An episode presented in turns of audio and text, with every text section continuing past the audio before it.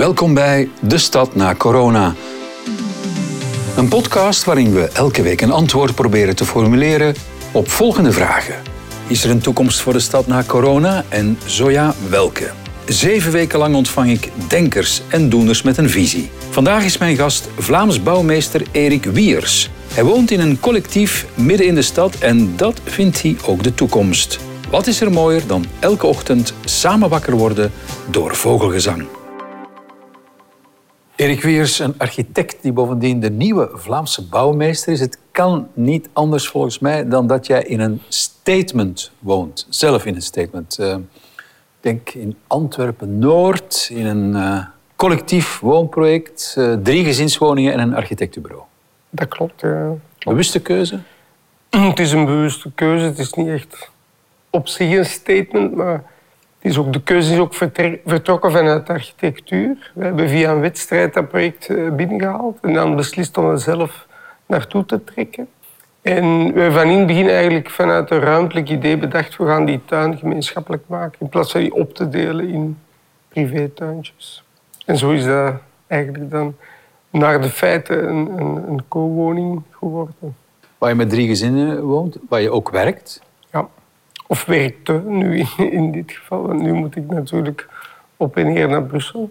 Wat interessant is ook, vind ik, dat wij dat... We hebben dat toen gebouwd en we hebben dan die twee woningen verkocht aan mensen die we nooit eerder hadden gezien.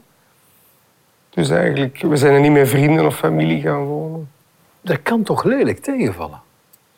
Ja, dat kan. Maar ik denk dat er automatisch een soort filter op zit. Dat eigenlijk mensen die die het eigenlijk al een fout engagement vinden, die eigenlijk sowieso niet voor kiezen om, om dat te kopen. Nu, in ons geval valt het absoluut niet tegen, want die mensen zijn natuurlijk ondertussen vrienden geworden. Ook niet voor hen? dat moet je hem vragen. ik denk dat dat wel meevalt. Ja. Dat collectieve wonen, dat is een van je stokpaardjes. Maar wat in jullie project opvalt, is dat je bewust de slaapkamers op het gelijkvloer zet zodat niemand de idee heeft van die tuin die ga ik inpalmen. Ja, het is natuurlijk het belang of het succes, denk ik, van zo'n collectieve tuin is dat hij precies dat collectieve statuut krijgt. Ergens tussen publiek en privaat. Als hij te publiek wordt, ja, dan mist hij zijn doel. Dan geeft hij niet de geborgenheid en de collectieve ontmoeting die je wil genereren. Als hij te privaat wordt of als iemand hem heel expliciet gaat toe-eigenen, dan mislukt het natuurlijk ook. En daarom ligt het, het ligt iets lager, zodat je eigenlijk niet rechtstreeks in de tuin kan vanuit je kamer of vanuit wat er ook achter ligt. En elke entiteit heeft ook een dakterras. Echt een privaat dakterras. En dat maakt dat je ook de keuze kan maken om dat je soort, met een soort positieve keuze naar die collectieve tuin gaat. ik denk dat dat belangrijk is voor hem. Nu laat je een aantal eh, begrippen vallen die denk ik eh, belangrijk zijn. Misschien ook wel in de toekomst uh, jou als Vlaams bouwmeester. We hebben het enerzijds over de publieke ruimte. We hebben het anderzijds over de private, over de privéruimte. En jij zit daar nu een derde begrip. Dat is tamelijk nieuw voor Vlaanderen. Collectieve ruimte. Ja, ik denk dat het heel belangrijk is om dat onderscheid te maken. Dus je hebt eigenlijk ik, wij en zij. Dat zijn eigenlijk de drie statuten. Je hebt uw private ruimte, dat kent iedereen, dat is uw eigen woning. De publieke ruimte, dat zijn de straten en de pleinen en alles wat openbaar is, waar de, waar de, de wet geldt en waar de politie handhaving kan doen. Maar een collectieve ruimte is eigenlijk een ruimte waar iedereen die, die beperkt is in het aantal mensen dat daar toegang toe heeft en waar die mensen elkaar ook kennen. Zoals een eenvoudige voorbeeld is een, een hal van een appartementsgebouw. Dat is eigenlijk een collectieve ruimte. Dat is niet van u privé, dat is ook niet publiek. En het is heel belangrijk, denk ik, dat je die drie schalen redelijk helder definieert. Dat je goed weet waar het over gaat. Want als iemand denkt van een private ruimte dat die publiek is, dan loopt het mis natuurlijk. En andersom. Als men bijvoorbeeld een speelstraat maakt, dan maakt men een publieke ruimte tijdelijk collectief. En dat is interessant, want eigenlijk die, die, die overlappingen of die verwarringen, die creëren soms ook op een goede manier stedelijk leven. De collectieve ruimte, zeg je, wordt eigenlijk in Vlaanderen verwaarloosd. Als je het over buitenruimte bijvoorbeeld hebt, als je van een willekeurig deel van Vlaanderen een luchtfoto maakt, dan zal je zien dat er eigenlijk alleen maar publieke en private uh, gronden of, of, lijnen te trekken zijn. Er is heel weinig collectief, zeker collectieve buitenruimte. Is dat in het buitenland anders?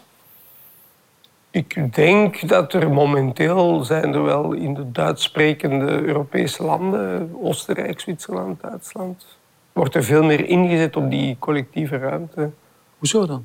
Ja, dat is eigenlijk een beetje een ander verhaal. Is dat men, uh, in, in die landen werkt men uh, heel veel met uh, wooncoöperaties. En waar je eigenlijk dan in één keer een groep gebouwen maakt en ook beslist wat je gemeenschappelijk kan delen. En wat hij, dat er heel duidelijk wordt, kijk, dat is het private gedeelte waar je recht op hebt. Maar er ook, wordt ook nagedacht over wat gaan we collectief organiseren. Misschien een wasruimte of een atelier of, of fietsherstelplaats of een wat. En dat is natuurlijk een manier van die problematiek uh, te bedenken. Iemand van het team zei vorige week, en ik vond dat eigenlijk heel, uh, heel atrem het probleem in Vlaanderen is dat wij wonen als een privaat probleem zien. En in andere landen ziet men dat als een collectief probleem. Er is een probleem, er zouden meer, ik zeg maar iets goedkope woningen in de stad moeten zijn. Dat is iets dat je als gemeenschap in zijn geheel aanpakt. Wij denken gewoon, ik wil een huis, ik koop een huis, ik verbouw dat huis, ik wil er rond kunnen wandelen, dat willen alle Vlamingen het liefst. Um, Vandaar is ook zo, we hebben een automatische aversie tegen, tegen voorschriften en regelgeving. Omdat ja, dat is mijn huis. Ik heb het huis gekocht. En nu gaat iemand anders zeggen welke kleur pannen ik moet gebruiken. Ik, ik denk dat die schaal, de collectieve schaal, dat dat wel een antwoord kan bieden op veel ruimtelijke problemen. Waarschijnlijk is het verstandiger naar de toekomst toe um, om op kleinere schaal aan landbouw te gaan doen. En dat is eigenlijk ook een soort van collectief. Als iemand een pluktuin heeft of, of, of zo stadslandbouw, dat zijn meestal ook vormen van collectieven. Een boer krijgt een inkomen en 300 gezinnen kopen het recht om daar groenten te komen plukken of te komen kopen. Uh, ik denk dat die soorten van systemen, ja, dat zijn natuurlijk ruimtelijke antwoorden op een problematiek dat je de aarde en de natuur heel erg belast als je altijd over grote afstanden gaat verplaatsen. Jij als Vlaamse bouwmeester, uh, denk ik, zult inzetten op ook kleinschalige projecten voor bijvoorbeeld stedelijke overheden die iets nieuws willen realiseren? Goh, ik, denk dat het niet in C kleinschalig hoeft te zijn. Ja, maar je Projecten kunnen ook in omvang, in omvang groot zijn. Maar het moet zeker zo zijn, denk ik, dat als we een stuk van een nieuwe stad of een dorp ontwerpen, dat we heel goed nadenken over wat er in dat programma gemeenschappelijk kan zijn, wat aan elkaar kan overlappen, hoe de relatie is tussen het publieke en de private gedeelte en hoe we ervoor kunnen zorgen dat zoveel mogelijk delen en dat we eigenlijk de ontmoeting organiseren tussen al die dingen. Ik denk dat dat echt, een, echt wel een uitdaging is voor architectuur. En een, een probleem van de druk op de stedelijke ruimte is dat in sommige gevallen, in die grote steden in China, je alleen nog ik en het hebt. Ik kom uit mijn deur van mijn grote woonblok en ik sta direct midden in een gigantische hoeveelheid mensen die ik allemaal niet ken. En dat geeft een soort vervreemding. Dus ik denk dat die tussenschaal echt belangrijk is. Maar iedereen, iedereen zoekt die ook op. Hè. In, in, in, in, een, in een verkaveling is die er ook. Hè. Mensen hebben een relatie met hun buren die anders is dan de, degene die achter de hoek wonen. Hè. Maar een verkavelingswijk of uh, wonen in een verkavelingsomgeving, uh, dat is toch niet noodzakelijk kiezen voor collectiviteit? Hè?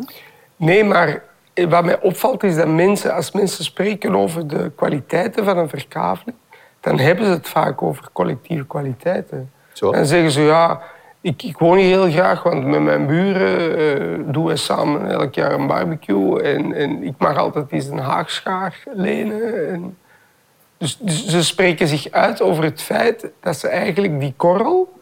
Ze zijn eigenlijk op zoek naar die, die tussenkorrel van het dorpsleven van vroeger, waar iedereen hè, naar verlangt. Dat is natuurlijk het feit dat je je komt buiten en je kent iedereen. En dat geeft een soort van vertrouwdheid. En daar tegenover staat dan de zogenaamde anonieme stad. Daarom zeg ik, als je in een stedelijke context ook die tussenschaal introduceert, dan heb je allebei. Dan heb je zowel het feit dat je in de stad vlakbij een supermarkt en een school en, en je werk hebt, dat je niet meer eh, in de film moet staan naar Brussel. En je hebt ook dat je die vertrouwde omgeving hebt van die mensen waar je samen dat collectief mee deelt. Maar laten we het eens even uh, heel concreet nemen. Op een bepaald moment, uh, binnen de kortste keren trouwens, misschien veel sneller en veel meer dan je lief is, gaan er mensen, bestuurders, stedelijke bestuurders, naar Erik Wiers komen, Vlaamse bouwmeester. Voilà, kijk, uh, Vlaamse bouwmeester, we hebben hier een wijk in de stad. die is verloederd. Mm -hmm. Dat zullen jullie heel vaak zien. Postindustriële panden. We willen daar iets mee doen. Hoe ga je te werk gaan? Ik denk dat het heel belangrijk is om bijvoorbeeld na te kijken hoe die drie schalen nu in die wijk aanwezig zijn, of ze aanwezig zijn, op welke manier dat ze werken. Misschien is er te weinig privacy op bepaalde momenten, omdat de appartementen slecht akoestisch eh, zijn ingericht. Dan moet je er iets aan doen. Misschien staan er overal auto's geparkeerd, zodanig dat eigenlijk het, het, het collectieve domein ontbreekt en het publieke domein eigenlijk geen plek meer is waar je de anderen ontmoet. Dus, en daar kan je door ingrepen te maken echt wel dingen aan doen. En ga je met de bewoners praten, bijvoorbeeld? Of hoe pak je dat? Ik, ik denk dat, dat dat een soort van participatietraject, zoals we dat noemen. Ik denk dat dat van, vandaag stil meer en meer gebruikelijk is. Ik denk dat je, dat, dat je daar niet buiten kan. En je bent niet het soort Vlaamse bouwmeester dat doet alsof uh, hij zijn oren laat hangen naar uh, de bewoners en dan vervolgens uh, radicaal zijn zin doet? Nee, ik, ik denk, je, je moet oppassen. Je, je, kan natuurlijk geen, geen, geen architectuur maken met alleen maar naar de bewoners te, te luisteren. Je kan niet met, met, met 40 man een kleur kiezen. Dat lukt echt nooit. Wat belangrijk is in zo'n participatietraject is denk ik dat je die mensen vroeg genoeg betrekt. Ja. Dat je eigenlijk gaat luisteren en probeert die lokale kennis te achterhalen. En dat je daarmee aan de slag kan. Dat je niet in een situatie komt dat je een of andere ontwerper heeft met een geniaal idee, die je dan ineens confronteert met die bewoners, want dan ontwikkel je natuurlijk het dispuut. Tijdens corona, zeg je, ehm, was die collectieve ruimte, want je kunt het heel echt expliciet ervaren, want je woont collectief, was eigenlijk uh, ideaal, was een meerwaarde. Hoezo? Ja, wat natuurlijk absoluut ideaal was. In de eerste fase blijft iedereen in zijn gezinsbubbel. En je ziet dan van die gruwelijke reportages van iemand die met drie kleine kinderen op een appartement zonder buitenruimte de hele dag zichzelf opsluit. Terwijl wij natuurlijk ook in onze bubbel van ons gezin ons terugtrokken, maar wel in de tuin van op een afstand nog een praatje konden maken met onze buren. Dus we hadden heel de tijd nog sociaal contact. En in een volgende fase, als de maatregelen wat, wat versoepeld werden, ja, dan vormden wij eigenlijk met al onze buren één bubbel. Ja, dan konden wij samen, als het heel warm was, een zwembadje gekocht. En dan, ja, is het natuurlijk een feest van een grote buitenruimte. Wat die pandemie ons leert, is dat hoe belangrijk het is van eigenlijk over private buitenruimte te beschikken, over collectieve buitenruimte te beschikken en dicht bij een park of alle mensen die, die in die situatie waren dat ze goede private ruimte hadden, een goede publiek en ook dicht bij een park wonen en vlakbij voorzieningen woonden, ik, ik, hoefde niet aan te schuiven in de, in de supermarkt. Want ik kon bij mij in de straat bij alle Turkse en Marokkaanse bakkers en groentewinkels gaan kopen wat ik wilde. Het belang van functiemenging eh, als voorwaarde voor eh, het verhogen van de leefbaarheid van de stad, dat is een oud zeer ook. Want je ziet dat heel veel uh, straten in de stadskernen waar wordt gewinkeld, dat die appartementen boven die winkels leeg blijven staan. Ga je er iets aan doen? Eigenlijk is dat traditioneel iets wat wij geërfd hebben van de moderne traditie in het begin van vorige eeuw, dat tot de Siam-congressen heeft geleid, waar men de functionele stad heeft bedacht. Men is er zelf op teruggekomen. Maar je ziet zelfs dat tot de dag van vandaag nog, soms als men uh, uh, plannen maakt op grote schaal voor een gebied, dat we nog gaan beslissen van en daar gaan we de industrie doen en daar gaan we een soort van, om, om, om die oude site terug te doen opleven, gaan we daar zo'n high-tech centrum van maken. En hier gaan we wonen. Gebeurt dat nog? Ik denk dat dat nog gebeurt, ja. En ik denk dat die vermenging en die mix wel echt heel belangrijk is. Maar hoe kun jij als Vlaams bouwmeester inzetten op die functiemenging? Dat dus winkelen, wonen, werken, recreatie, dat dat voortaan een cluster wordt? Op zich adviseren wij het beleid en wij kunnen natuurlijk wel altijd altijd uh, op hameren of op toezien. dat er initiatieven worden genomen die zoveel mogelijk evolueren naar die functie. Of wij kunnen, als een gemeentebestuur op een bepaald moment zegt wij hebben hier een oude site en willen die site helemaal als kantoorsite gaan ontwikkelen, kunnen wij natuurlijk wel adviseren, dat lijkt ons niet zo'n goed idee. Misschien moet je die school die je wil vernieuwen daar ook in onderbrengen. En misschien moet je dat ook combineren met woningen. Want waarom zou niet boven een school kunnen wonen? Dat zijn dingen die... Of een coworking place, uh, place van maken voor de ouders bijvoorbeeld, uh, waar en onderwijs in wordt gegeven en waar ouders ondertussen uh, hun werk Absoluut, absoluut. Ik kan me voorstellen dat dat inderdaad op, op, op die manier zou kunnen werken. Want je bent een grote believer en een grote pleitbezorger van de overlapstad, zoals je dat noemt. Dat is een woord dat wij bij Collectief Noord op ons bureau is gelanceerd hebben op een lezing. En eigenlijk heeft dat te maken met, met niet alleen van inderdaad te zorgen dat je, dat je um, overlap hebt in gebruik. dat je bijvoorbeeld een, een, parking van een supermarkt hebt waar je s'avonds kan basketten, ik zeg niet. Maar dat je ook een overlap hebt van, van lege ruimte en, en volle ruimte. Dus dat werkt eigenlijk op, op verschillende schalen. En dat is natuurlijk een manier om zowel te zorgen dat je, dat je geconcentreerd dingen op een kleinere oppervlakte kan organiseren. Maar tegelijkertijd kan dat ook een manier zijn om de soort van leefbaarheid of een soort van ontmoeting terug, terug aan de orde te stellen. Laten we het eens hebben over jouw uh, collega, jouw, de vorige Vlaamse bouwmeester uh, Leo van Broek, die absoluut vond dat woonkernen moesten verdichten. We moeten ervoor zorgen, zo vond hij, dat je meer woningen krijgt per hectare uh, om meer plaats te maken voor groen uh, buiten de stad. Ben jij uh, lid van de Verdichtingskerk? De analyse die Leo maakt is volgens mij heel correct. En die analyse maken experts al 40 jaar. Daar is iedereen het over eens. Ik heb nog over tijd het ruimtelijk structuurplan Vlaanderen is, als mij niet vergis, van 96 of zo. Eigenlijk staat dat daar al in.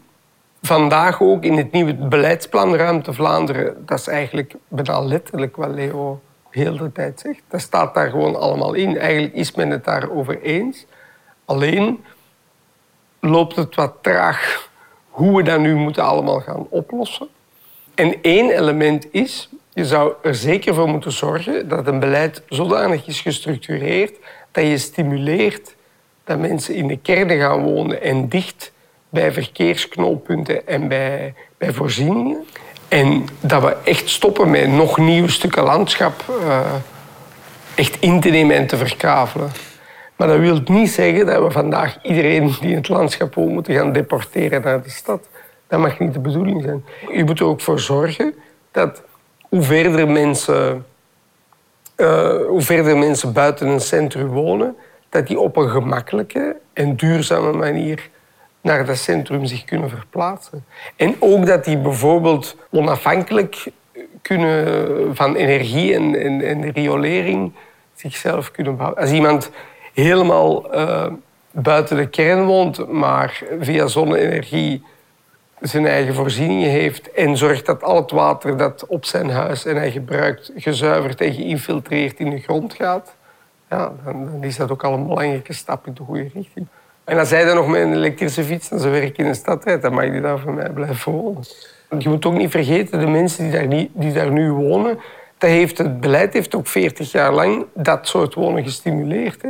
In de jaren 70 was het gewoon het ideaal dat je buiten de stad in een alleenstaand huis met een tuin er rond, dat je een eigen auto kon kopen. Dat, vond men, dat was de vrijheid na de oorlog. Hè. Het beleid heeft, heeft, heeft regelgeving gemaakt waarbij dat bijvoorbeeld in stond dat als er tussen twee gebouwen een afstand is, ik ik weet het niet meer exact, minder dan 70 meter geloof ik, dan mag je ertussen een huis bouwen. Dat is gewoon de lintbebouwing die eigenlijk in theorie is geïnitieerd. Je moet nu niet tegen al die mensen gaan zeggen hoe schandalig dat is dat die daar wonen. Ik denk dat dat een foute manier is om dat aan te pakken. Van jouw vorige Vlaamse bouwmeester, onze vorige Vlaamse bouwmeester, is bekend dat hij graag schopte en uh, af en toe overhoop lag met, met ongeveer God en Klein Pierke, de overheden voorop. Ik heb niet het idee dat jij veel gaat overhoop liggen met mensen of overheden. Ja, dat zullen we moeten afwachten. Hè. Misschien, misschien zal ik ook wel iets zeggen wat ik daarna van denk van oei, dat had ik niet mogen zeggen. De problematiek die Leo heel uh, accuraat heeft geschetst, dreigt een tegenstelling te worden tussen experts die al 40 jaar weten en de man in de straat, om het zo maar even te noemen, die er eigenlijk nu, sommigen nu maar ineens uh, merken dat hij, mijn, mijn huisarts die zei tegen mij, ja, ik, ik woon in een villa, ik wist niet dat er iets mee verkeerd was.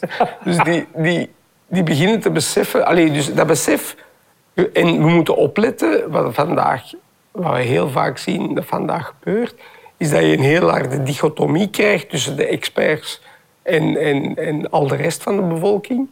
En je moet zorgen, je, je koopt er natuurlijk niks mee als je dat alleen maar scherper maakt. Je moet zorgen dat je die mensen kan duidelijk maken dat die veranderingen ja, eigenlijk een optimalisering van de status quo zijn. Dat iedereen mee is. Ja, ik denk dat dat belangrijk is. Tot slot, uh, je krijgt van ons carte blanche. Hè. Je bent ook trouwens Vlaams bouwmeester. Je kunt eigenlijk, je zegt gewoon wat je wil en dan gebeurt dat. Dan wordt dat gerealiseerd, weet je het ook. Voilà, carte blanche. Hoe ziet uh, de stad van de toekomst eruit voor jou? Mm. Ik denk eigenlijk... Ja, als je momenteel ziet, de aanleiding is om na te denken wat met heel die covid nu gebeurd is. Eigenlijk bevestigt dat nog meer dat we eigenlijk terug moeten zoeken in de stad naar een goede relatie tussen cultuur en natuur. Tussen wat bebouwd is en wat open ruimte is. Dat wil niet alleen zeggen dat je bijvoorbeeld bomen moet planten om de lucht te zuiveren. Dat wil ook zeggen dat je moet zorgen dat je grote landschapsdelen krijgt die aangesloten zijn, die, die echt een stuk landschap kunnen zijn die bij de stad. Zoals in Kopenhagen, waar men met soort van landschappelijke vingers, waardoor dat het landschap tot in de stad indringt. En je dus eigenlijk... Ik denk dat we echt op die, die relatie heel hard moeten inzetten. En daarnaast, je zou kunnen zeggen dat architectuur vandaag ook kan bijdragen om de ontmoeting tussen mensen te stimuleren. Eigenlijk is dat een soort van de ruimtelijke constellatie van de ontmoeting. En zeker op een moment dat iedereen in zijn private omgeving enorm publieke contacten kan hebben via zijn smartphone. Nu dat er juist die verwarring is tussen wat dan nu publiek... Want ik, ik, kan mij, ik kan de meest publieke uitspraak doen in mijn private omgeving. Vroeger moest je naar de markt om, om met anderen te converseren. En dat is een heel specifieke situatie die heel nieuw is. Eigenlijk nemen wij de publieke ruimte met ons mee in onze broekzak. We nemen de publieke ruimte zit eigenlijk in ons privé. Dat is al met de televisie begonnen, maar dat is nu helemaal een feit. En daarom denk ik dat architectuur absoluut de taak heeft om die schikking terug ruimtelijk te maken en die ontmoeting terug ruimtelijk te organiseren. Dank je wel. Graag gedaan. Dit was De Stad na Corona. Bedankt om te luisteren. Onze afleveringen zijn beschikbaar op stadnacorona.be en op de podcastplatformen Apple, Google Podcasts en Spotify.